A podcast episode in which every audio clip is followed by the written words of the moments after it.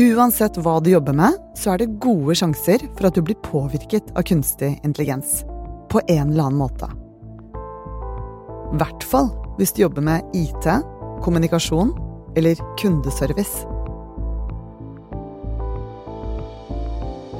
For ifølge forskere kan mange millioner jobber bli erstattet av ny teknologi.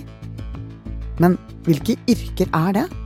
Og hva betyr alt dette for deg og meg? I dag er det tirsdag 9. mai. Jeg heter Synne Søhol, og du hører på Forklart fra Aftenposten. Kunstig intelligens det utvikles nå utrolig raskt. Og ifølge rapporter så kan mellom 14 og 300 millioner fulltidsjobber da bli erstatta av kunstig intelligens. Og det her skal da skje innen ganske kort tid, det tror begge de to rapportene, men det som er helt sikkert, da, er at flere stillinger og arbeidsoppgaver mennesker tidligere har utført, vil forsvinne.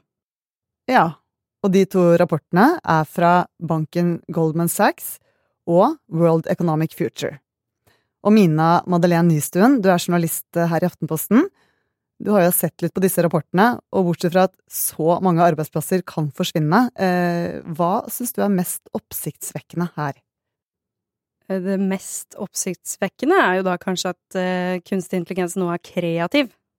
De, og det vil jo bare fortsette å utvikle seg, for vi trodde jo veldig lenge at jobber som innebar menneskers unike kreativitet, var beskytta fra det her. Men det er veldig mange jobber som var vanlige før òg, som ikke fins lenger.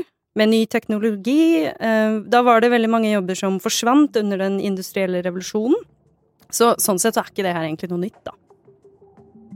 På slutten av 1700-tallet skjedde en stor endring. Med den industrielle revolusjonen ble mange jobber effektivisert.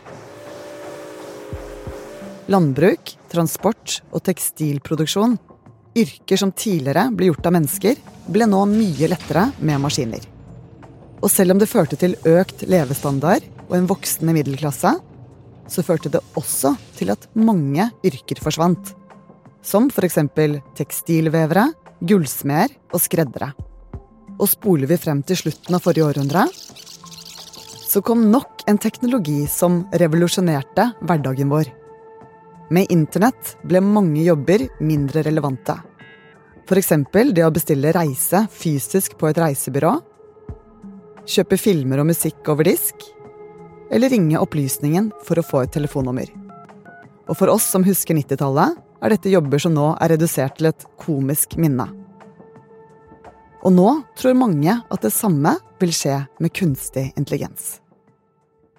Det er nok enda flere stillinger nå som står på spill enn før, denne gangen så påvirker det nok ikke landbruk da, i like stor grad, det skal jo sies, men det utvikler seg såpass raskt og berører så mange yrker at den i det hele tatt klarer å skrive sammenhengende, unike og liksom relativt ålreite tekster, da, selv om de er litt banale, det er veldig, veldig spesielt. Så det som er annerledes nå, er at også folk med kreative yrker kan bli erstatta. Allerede nå kan kunstig intelligens lage dataprogrammer og den har også blitt brukt til å skrive barnebøker og lage illustrasjoner. Ja, den kan lage veldig fin kunst og realistiske bilder.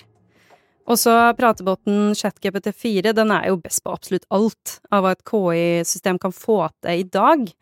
Den gjør eh, nokså presise oversettelser, gode sammendrag av lengre tekster og andre nyttige sånn hverdagslige småting som å lage treningsprogram til deg, handlelister, og den gir deg altså informasjon fra hele internett. Med andre ord er ChatGPT så smart at den vil ta over mange jobber. Men kommer den til å gjøre oss arbeidsledige?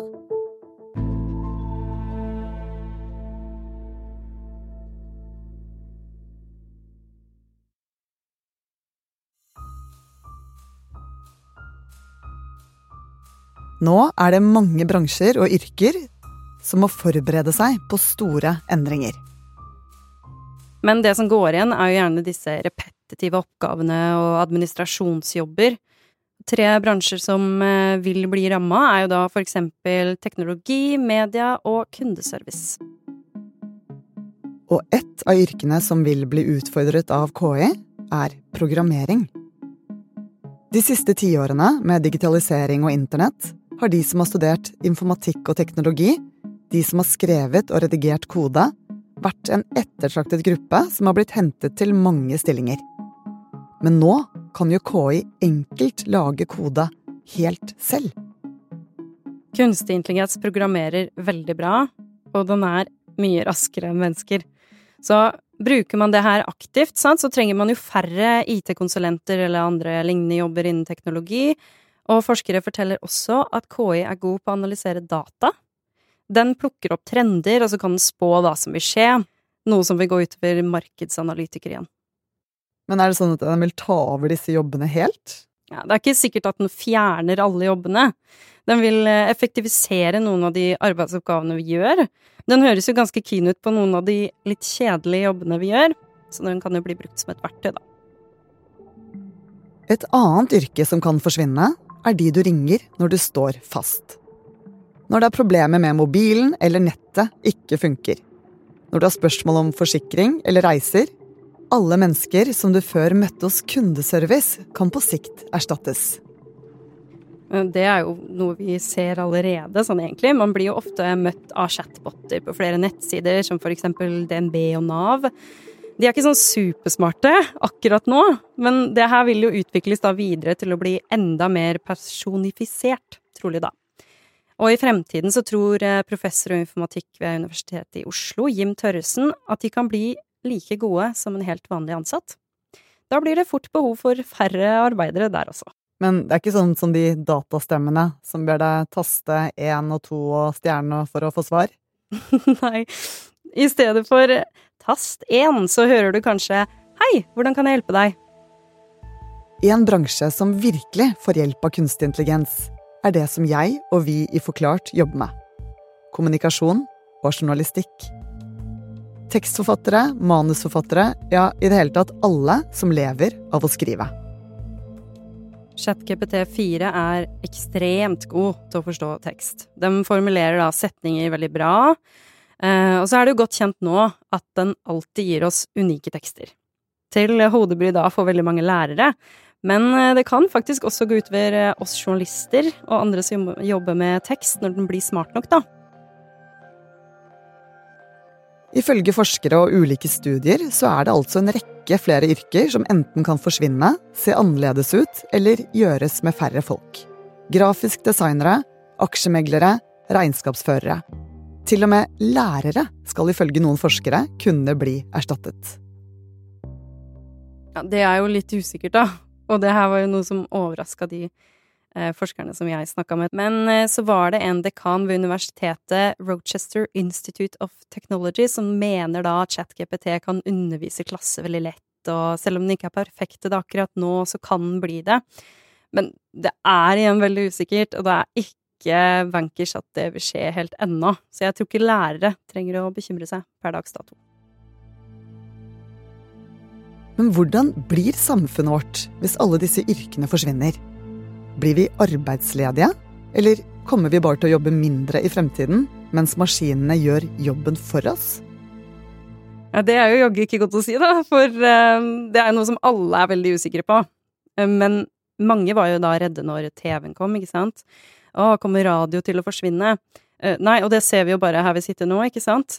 Og så strømmetjenestene har jo ikke tilintetgjort TV-kanalene heller.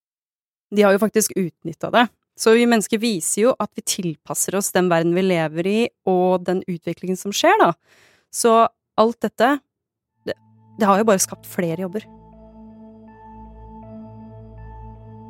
For når ny teknologi kommer, så dukker det opp nye muligheter. Sånn som etter den industrielle revolusjonen så ble det skapt mange nye arbeidsplasser på fabrikker, på jernbaner og i gruver. Og etter at internett kom, så fikk vi nye yrker som webutviklere, UX-designere, influensere og innholdsprodusenter. Men hva slags jobber vil vi få nå, da? Nei, du, det, det vil jo tiden vise, da. Selvfølgelig.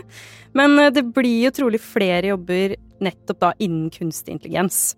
Så om man er eh, en slags veileder eller en person som viser bedrifter hvordan kunstig intelligens skal brukes, leger eller helsearbeidere, som kanskje spesialiserer seg i å bruke kunstig intelligens for å stille diagnoser. Det kan være KI-sikkerhetseksperter. Det kan være veldig mye. Uansett så bør vi gjøre oss kjent med ChatGPT og andre KI-systemer. Vi må bruke det som det verktøyet det er, det mener forskerne, for det kan gjøre deg verdifull på arbeidsmarkedet fremover. Så selv om mange jobber forsvinner, så betyr ikke det at vi blir arbeidsledige? Nei. Du, du får kanskje en annen jobb, bare. Eller borgerlønn.